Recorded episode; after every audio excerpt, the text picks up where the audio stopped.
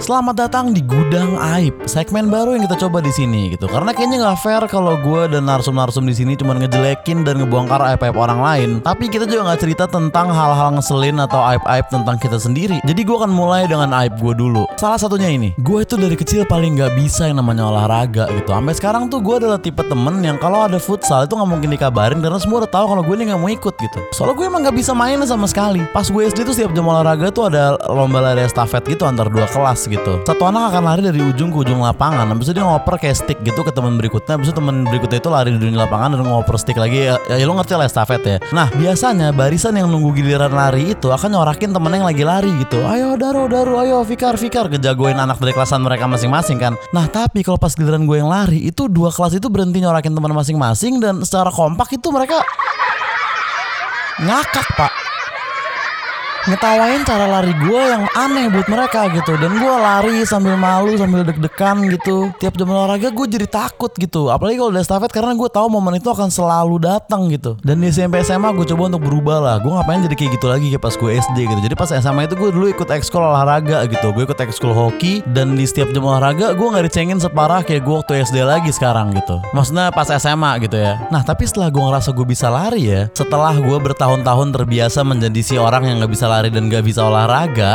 gue jadi malah kayak star syndrome gitu bro. Gue kayak takabur soal lari dan olahraga gitu. Gue kayak sosok ikutan main futsal terus sosok ikut ikutan tawuran gitu ya. Awalnya gue ikutan tawuran tuh di belakang mulu gitu gara-gara gue tahu kalau gue nggak bisa lari jadi gue takut gitu kan. Nah tapi setelah gue ngerasa gue bisa lari gue jadi takabur sosok kayak agur depan nah kayaknya bisa nih gitu kan. Jadi suatu hari gue coba di depan ini ngomong-ngomong tawuran jangan dicontoh sama sekali ya. Ini nggak baik sama sekali gitu. Tapi gue cuma pengen cerita waktu itu gue di depan Dan gue sok-sok jadi kayak teman-teman gue yang pemberani-pemberani gitu. Tapi ketika musuhnya ngitung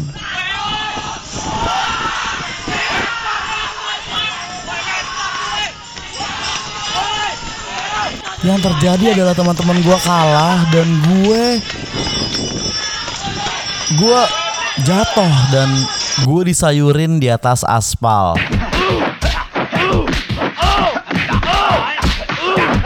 Dengan kaki, dengan kayu, dengan gear dan lain-lain gitu. Sampai tangan gue patah gitu Dan gue ujung-ujungnya ditolongin warga. Tapi warga yang nyelamatin gue itu ngelaporin gue ke polisi juga. Jadi gue dibawa ke polsek Barengan sama dua anak sekolah lain yang nyayurin gue Terus gue begging sama polisinya supaya gue diizinin pulang. Gara-gara tangan gue patah Tapi mereka gak percaya. Mereka lebih ke kayak Udah kamu telepon aja dulu orang tua kamu suruh jemput kamu ke sini. tapi gue takut nelfon orang tua gue akhirnya bang gue datang bla bla bla bla bla. Dan akhirnya gue diizinkan pulang. Tapi intinya ya pesan hikmahnya adalah Pertama kalahkan kekurangan lo. Kalau lo nggak bisa olahraga Jangan lepaskan olahraga terus dicengin. Lo cabut dari olahraganya. Nggak usah hadir saat-saat futsal bla bla bla dan lain-lain. Hikmah keduanya Tawaran adalah kegiatan yang buruk Negatif Membahayakan Mengkhawatirkan orang tua Dan gak ada gunanya lo lakuin Kalau lo nggak bisa lari. Tapi kalau lo bisa lari, lo pengen ngerasain dan lo punya nyali dan lo pengen punya masa muda di SMA yang maksimal, ya tetap jangan sih tawaran jelek bro. Gila lo mau tangkap polisi lo, itu buruk pasti ada undang-undangnya.